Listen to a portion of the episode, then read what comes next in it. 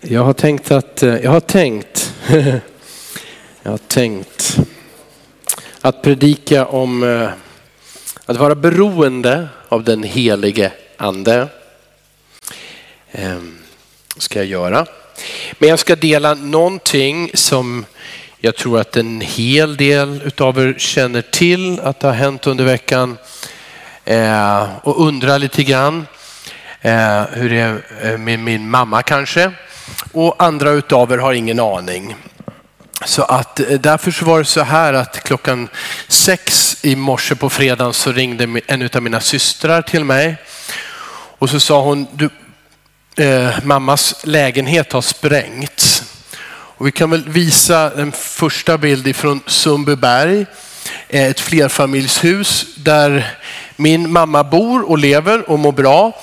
Men hon är inte där nu naturligtvis. Det är den här balkongen och det där fönstret och så ett fönster till höger där.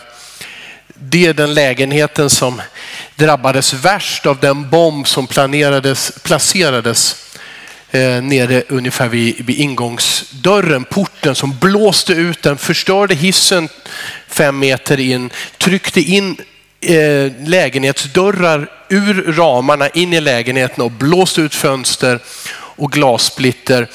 Eh, när mamma flyttade in där för två och ett halvt år sedan så pratade vi om om mamma inte skulle bo till höger om balkongen och ha det som sitt sovrum. Men vi valde på den tiden ett annat rum som finns i den bakre delen utav lägenheten och tack gode Gud.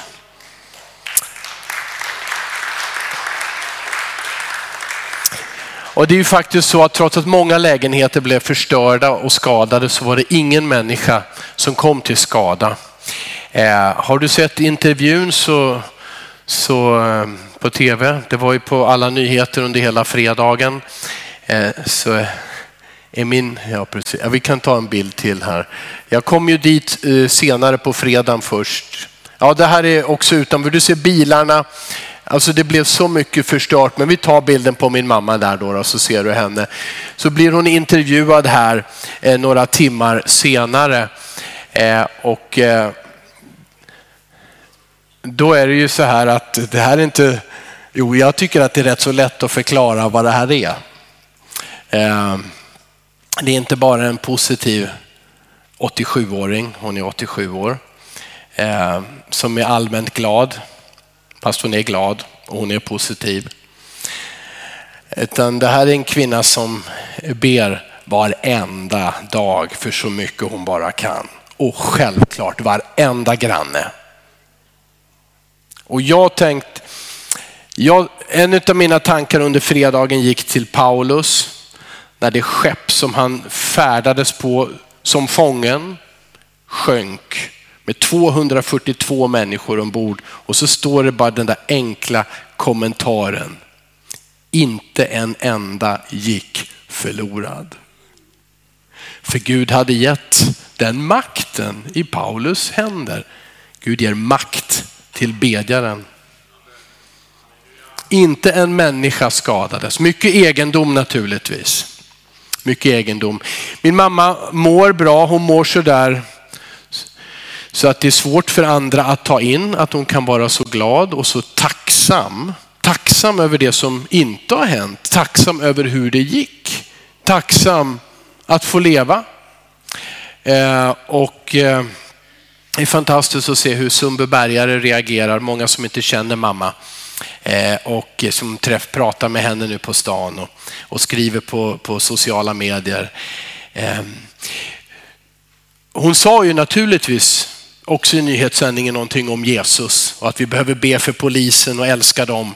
Eh, det, det valde SVT bort så att säga. Det blev ingenting om Jesus. Men jag skrev till mamma så här, både andan och anden kändes. Och eh, så att det är bra. Det är bra med oss. Det är bra med mina systrar, med min mamma. Vi tackar Gud. Och så går vi tillbaka lite grann till denna tid som vi lever i som är så skrämmande.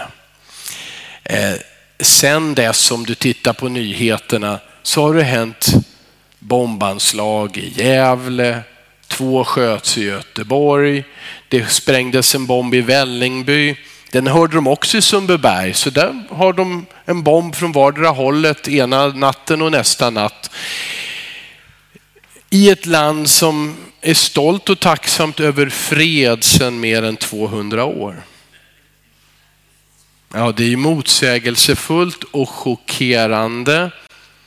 Eh, men inte för den som är vaken och läser Bibeln så är det inte chockerande att onda saker kan drabba oss och att till synes goda människor med fantastiska förutsättningar i ett så rikt land och där staten och samhället säger vi tar hand om alla och ger alla lika bra.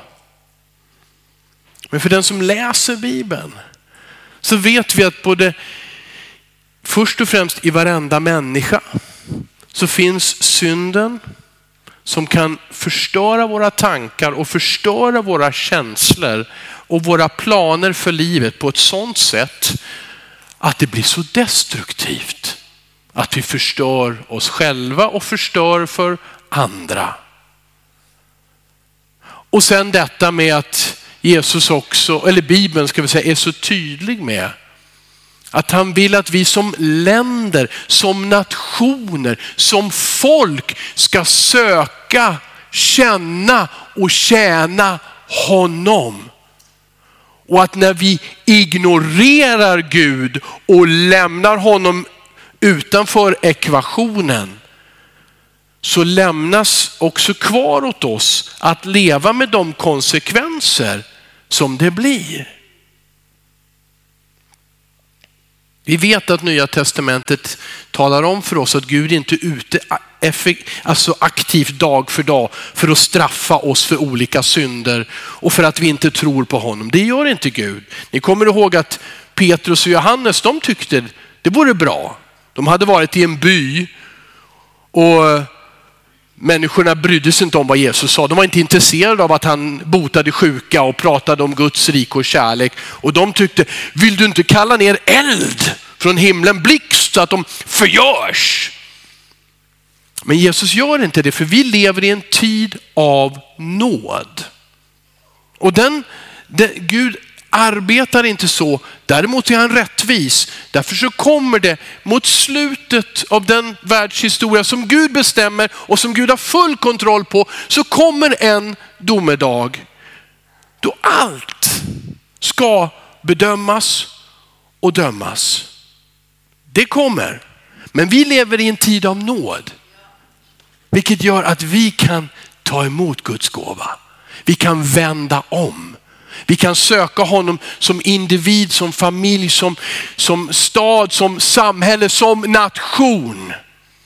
Och när vi gör det så blir vi mottagare av Guds alla välsignelser.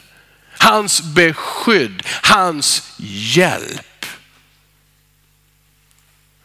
Och det eviga livet. Och det som blir ännu mer och ännu bättre.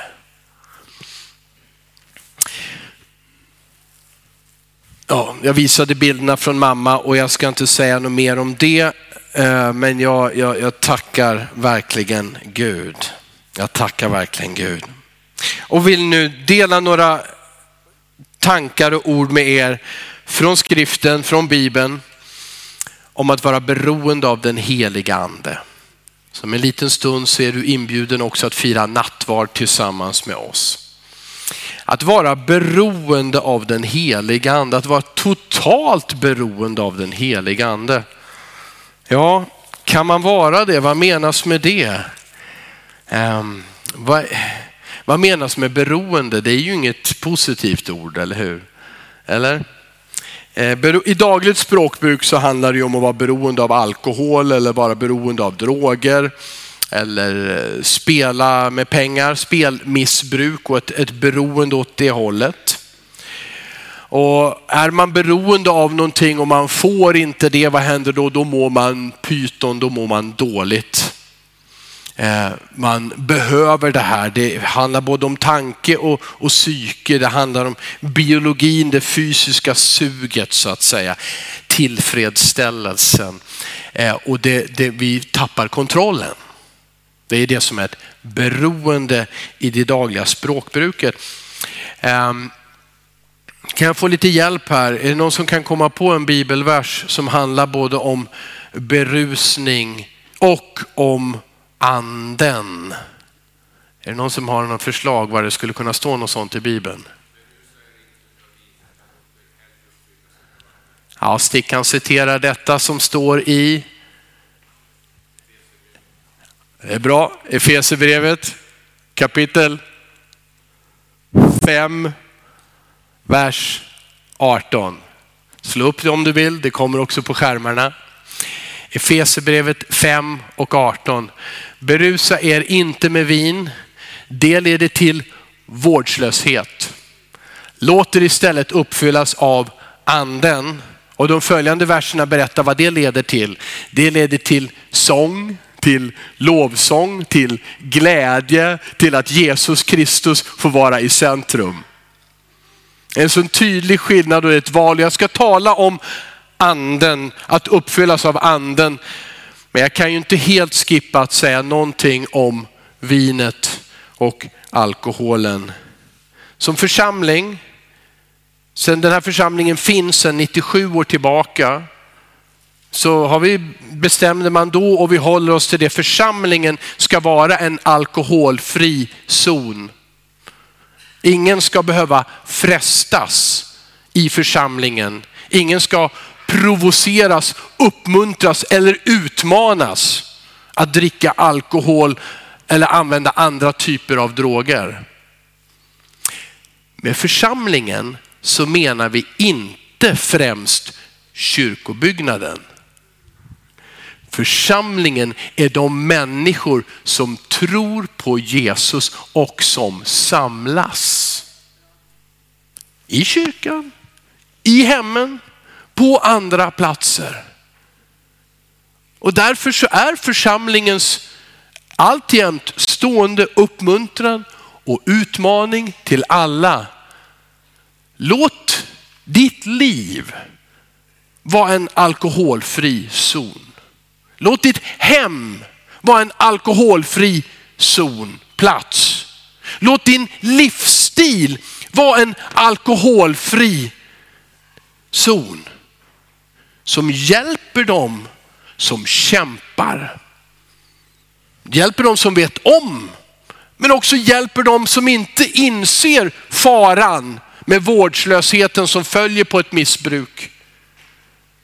Och att det finns någon att hålla i.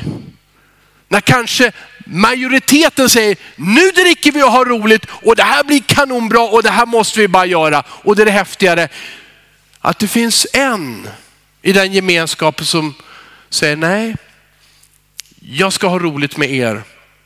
Jag hakar på, men jag dricker inte. Jag dricker inte alkohol. Att vara där det var det om alkohol, okej? Okay? Det är en rejäl utmaning. Ingen är perfekt. Okej? Okay? Och det finns gråzoner. Ja, det finns gråzoner. Och därför är det så viktigt vilket val vi gör. Vilket val gör jag för min egen skull? Vilket val gör jag för andra människors skull? Och hur mycket får kärleken utmana mig till att välja att avstå från saker som skadar andra. Vi har val att göra och det som jag vill lyfta fram nu då i den här bibelversen, det är ju då den mera, om vi nu har talat om det negerande eller det negativa så tar vi det bejakande, det positiva här. Okej, okay, så berusa er inte med vin står det. Där börjar vårdslösheten. Utan låt er uppfyllas av anden. Och jag tror att det behöver vara din och min främsta kamp. Förstår du?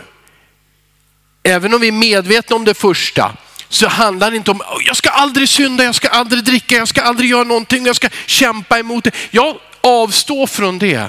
Men låt det där andra vara det som präglar dig. Jag vill bli fylld med den heliga ande. Jag vill ha mer av dig Gud. Jag vill leva i detta. Jag vill älska dig Gud som du har älskat mig först. Jag vill älska mina medmänniskor så som du älskar alla människor. Jag vill lyssna på dig för du är en Gud som talar. Jag vill tala till dig och be till dig för du är en Gud som lyssnar. Låt mig bli fylld av den heliga ande. Låt det vara din främsta passion. För jag tänker så här, och jag tror att du håller med mig. Om en plats är full av någonting så har det andra som vill komma in och tränga in inget egentligt utrymme. Eller hur? Och att välja ett liv med den heliga ande, det är inte ett tråkigt liv. Vad tråkig du är som inte dricker. Vad tråkig du är som inte, hur har du roligt överhuvudtaget om du inte dricker? Jo, men jag har roligt. För jag har en glädje som inte leder till vårdslöshet, som inte leder till misstag, som inte leder till att jag går över gränser hela tiden. Jag har en annan typ av glädje och det är från den heliga ande och det är en gåva som håller i alla tider. Amen. Amen. Den heliga ande ger dig en glädje som inte förorenar dig och andra. Den heliga ande ger dig en glädje som håller, som är ren, som flödar över, som påverkar, som syns i ditt ansikte, som märks i ditt beteende, som märks i hur du bejakar livet. Den heliga ande, Guds ande. Men kan man vara beroende av honom? Kan man vara totalt beroende av honom? Känner du någon? Kan, kan vi ta handuppräckning nu då? Mingelfråga. Känner du någon som är totalt beroende av den heliga ande? Jag gör det. Jo, du gör det. Eller hur? Du känner ju. Vem, vem känner du Cecilia? Ja, de är härliga, de är underbara. Eh, och, och eh, eh, men jag vill föreslå en annan person. Och du känner honom. Han heter Jesus. Och jag önskar att vi ska alla bli som dina föräldrar. Vi ska vara beroende av den heliga ande och utmanas och uppmuntras av varandra och sträva efter detta. För det är det som det står här. Låt er uppfyllas av den heliga ande. Men det finns bara en. Men honom känner du och jag. Han heter Jesus Kristus och han var totalt beroende av den heliga ande. Totalt.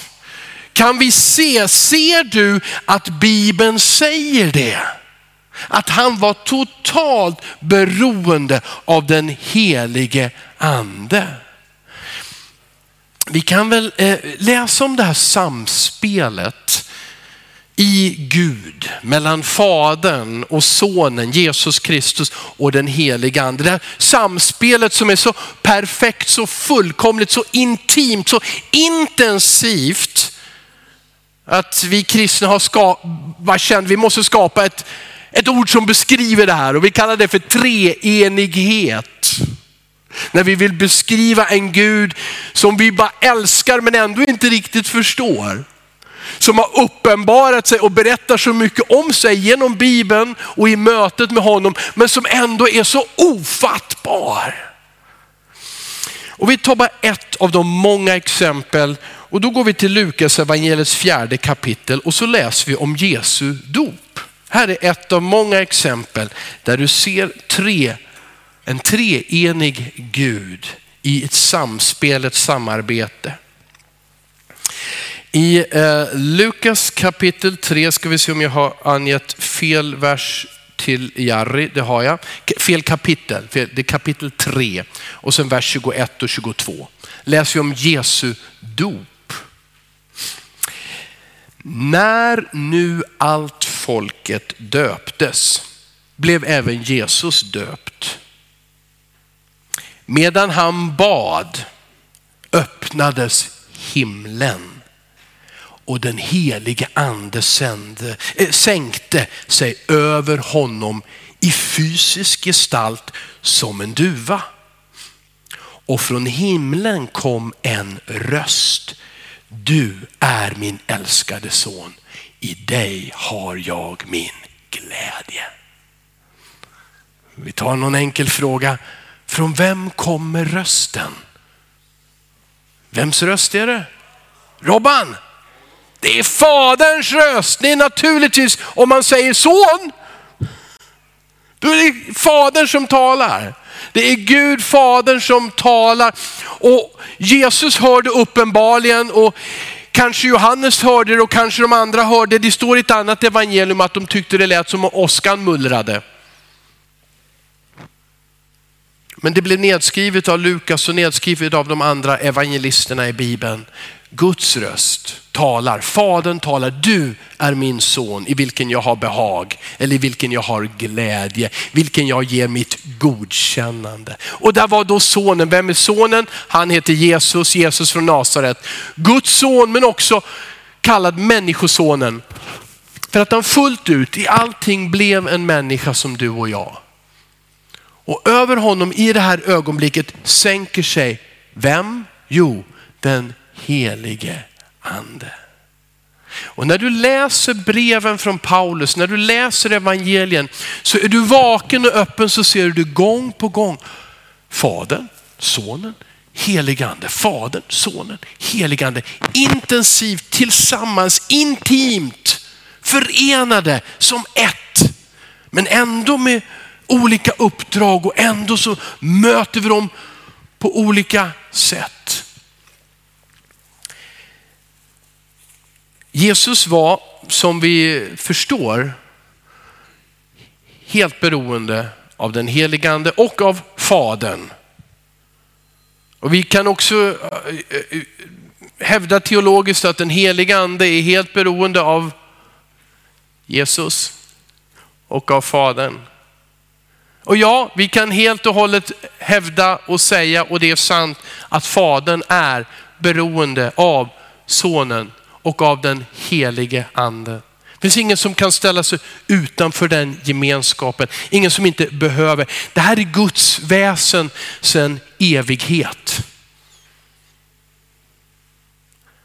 Därför det står i första Johannesbrevet att vi vill, så skriver Johannes här, vi bjuder in er in i en gemenskap. Församlingen, andra troende, som är en gemenskap med Fadern och Sonen. Då nämner han, det är Guds väsen. Gud är i sig själv gemenskap. Han vill ha gemenskap med oss och så blir vi en gemenskap både med varandra och med den ofattbare, treenige, underbara guden. Amen. En gemenskap. Det här är Guds väsen. Det är därför som det i Bibeln och aldrig i Koranen, men ofta i Bibeln står Gud älskar, Gud är kärlek. Koranen säger aldrig att Gud älskar, att Gud är kärlek. Koranen säger att Gud är barmhärtig, det vill säga han är god mot oss syndare. Han är barmhärtig. Och han har all makt, säger Koranen. Men Koranen säger aldrig att Gud älskar dig och mig. Den säger aldrig att han är kärlek i sitt väsen. Men Gud var alltid sån. Gud var i evighet aldrig ensam. Gud satt inte i sin ensamhet och funderade olika möjligheter på vad ska jag skapa och göra för att ha lite roligt. Jag skulle så gärna vilja uppleva den där känslan av kärlek. Men jag ska skapa elefanter, myror, komma på människor. Så upp, åh vad, vad gulliga de är. Det är som små gosedjur, små gulledjur. Åh vad gulligt. Men så är inte Gud. Han är fullkomlig och han var full, han är full av kärlek sedan evigheterna, evigheter, alltid. Fadern har alltid älskat sonen och sonen fadern och den heliga ande. Och den heliga ande har alltid älskat. Det här är Guds väsen och ut ur detta otroliga väsen som Gud är och bara han skapar han både människor och universum. Och när det sen går fel på grund av synden så älskar han det så mycket att han inte kastar bort det utan han blir en del av skapelsen genom att Jesus Kristus föds som en människa och är det till hundra procent och blir en del av oss och offrar sig för oss alla när han dör på korset och besegrar döden och besegrar syndagiftet som finns i hela skapelsen. Och därför är det en seger korsets symbol. För han har besegrat synden och döden och straffet, tagit det på sig. Amen, halleluja! Och Jesus var helt beroende av Fadern, bara för att ge er en, en bibelvers så ni inte missar det. Du kan skriva upp det här, Johannes 14 och 10. Johannes 14 och 10. Så säger Jesus så här. Tror du inte att jag är i Fadern och att Fadern är i mig? Orden jag talar till er säger jag inte av mig själv. Fadern bor i mig och gärningarna är hans verk. Jesus utvecklar det här och säger, allt han säger kommer från Fadern. Det var därför han bad.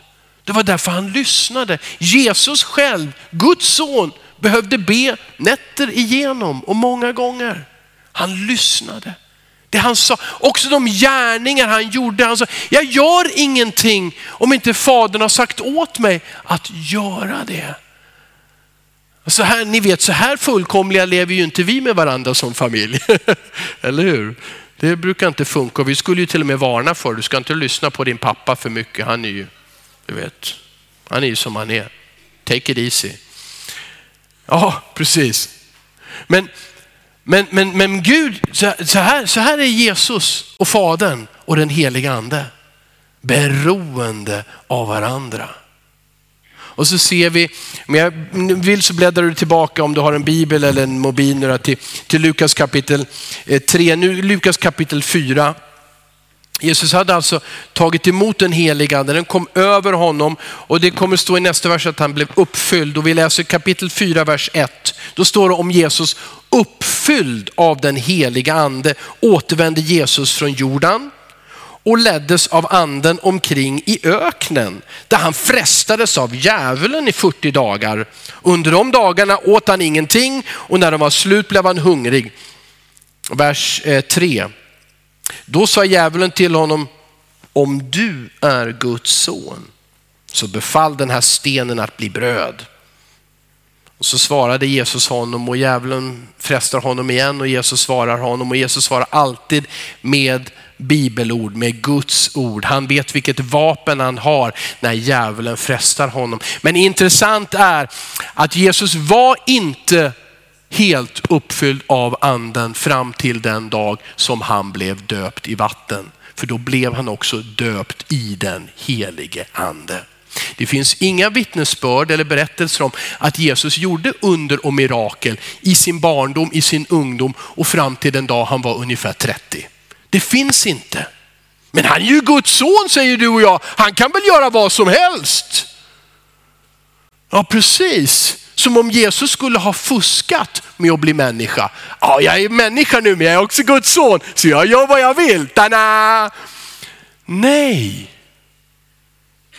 Filipperbrevet 2 förklarar detta tydligt hur Jesus när han föddes på jorden tömde sig själv på dessa gudomliga kvaliteter och makt. Han var inte längre överallt hela tiden. Han såg inte längre allting hela tiden. Han visste inte hela tiden allting. Han föddes som små barn föds och fick lära sig, fick ta till sig, fick insikt.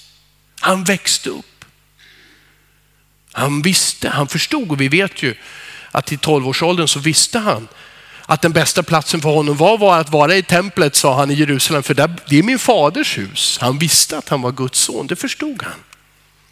Men han gjorde inga mirakel, han höll inga predikningar förrän, vadå? Förrän han blev uppfylld med den helige ande. Och sen var han beroende av den helige ande. Och den helige ande gör det fadern vill. Och därför så ledde inte det här till en framgångsrik karriär till att börja med. Utan den helige ande ledde honom ut i öknen för liksom plocka av honom allting. Hörru, nu ska du inte heller bara leva av bröd och vatten och allt sånt där som man behöver för livet.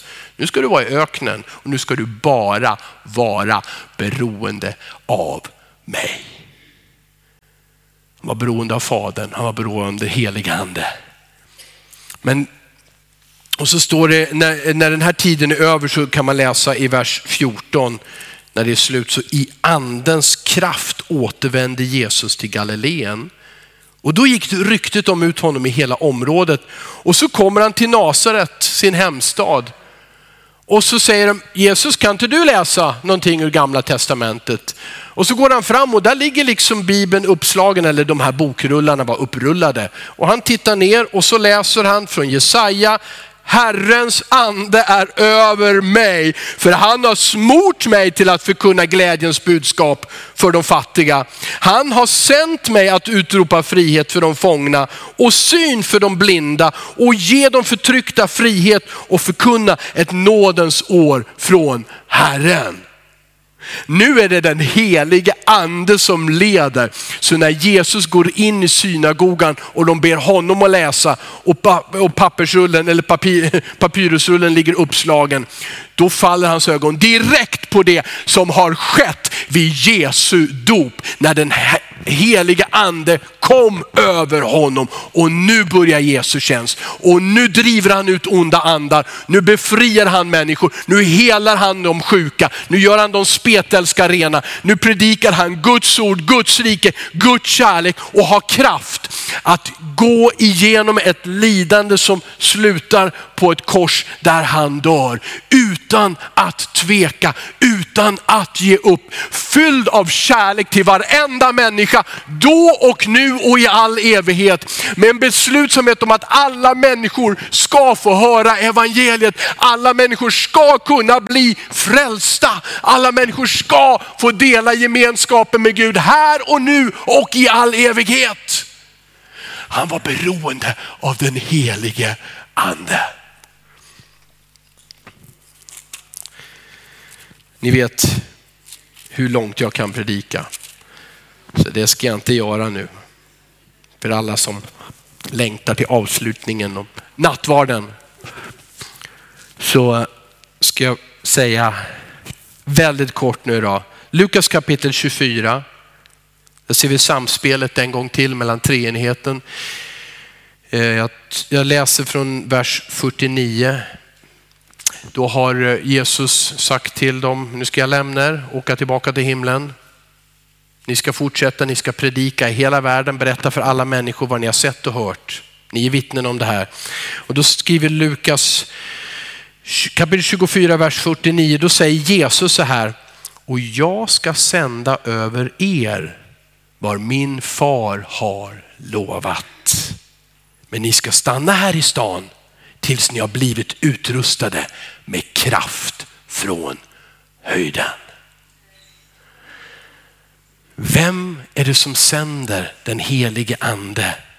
Jo, han som själv hade blivit uppfylld av den helige ande vid sitt dop. Vem är det som har lovat? Jo, det är fadern som har lovat det genom gamla testamentets skrifter och profeter. Jag ska utgjuta, hälla min ande över alla människor. Män och kvinnor, unga och gamla. Alla som längtar och tar emot alla som tar emot Jesus, alla som vill ta emot anden. Jag ska säga, Fadern, Fadern har lovat det. Jesus skulle bara åka upp till himlen på något övernaturligt sätt till den himmel som jag inte heller riktigt vet var den är, men den finns. Och när han satte sig ner på faderns högra sida, då måste det ha varit ett litet kort samtal där. Fader, nu är det dags. Fadern till sonen, nu är det dags. Så tittar de på de heliga ande. Nu är det din tur, nu ska du till jorden. Och du ska inte komma i en kropp. Du ska inte leva några år på jorden. Du ska finnas så länge Guds vilja för mänskligheten finns där ska du finnas överallt. Och du ska beröra och du ska kalla och du ska ge kraft till alla som tar emot dig. Och så lovar Jesus lärjungarna då och oss nu kraft genom den helige ande. När den helige ande kommer över oss. En skillnad mellan Jesus och dig och mig, hans andedop och vårt andedop är just detta att det bara hände någonting när Jesus blev döpt, när han kom upp ur vattnet, när han bad. Han bad, det är en likhet. Han bad och blev fylld med den helige ande. Så det har du tips, vill du bli fylld med den helige ande, be. Och när Paulus skrev i Efesierbrevet 5 och 18, låter uppfyllas med den helige ande, då finns den där formen utav det här imperativet som kommer utav verbet bli uppfylld. Bli uppfylld som inte finns i den svenska grammatiken som är detta pågående. Vi skulle kunna lägga in ordet ständigt. Bli ständigt uppfylld, låter om och om igen uppfyllas. Det är inte en engångsgrej, fast Bibeln talar också om ett dop i den heliga ande. En start, men låt det uppfyllas av den heliga ande. Och låt detta, för till dig och mig som vill vara Jesu lärjungar, som vill göra hans verk som han har lovat. Som vill vara en kanal för Guds kärlek och Guds vilja på den här jorden. Låt oss söka att bli uppfylld av den heliga ande. En av skillnaderna är i Bibeln att andra kristna började med apostlarna och sen andra la händerna på den som ville bli uppfylld av den heliga ande. Vill du bli uppfylld med den heliga ande? Vill du bli döpt i den heliga ande? Vill du vara beroende av den heliga ande som Jesus var beroende av den heliga ande?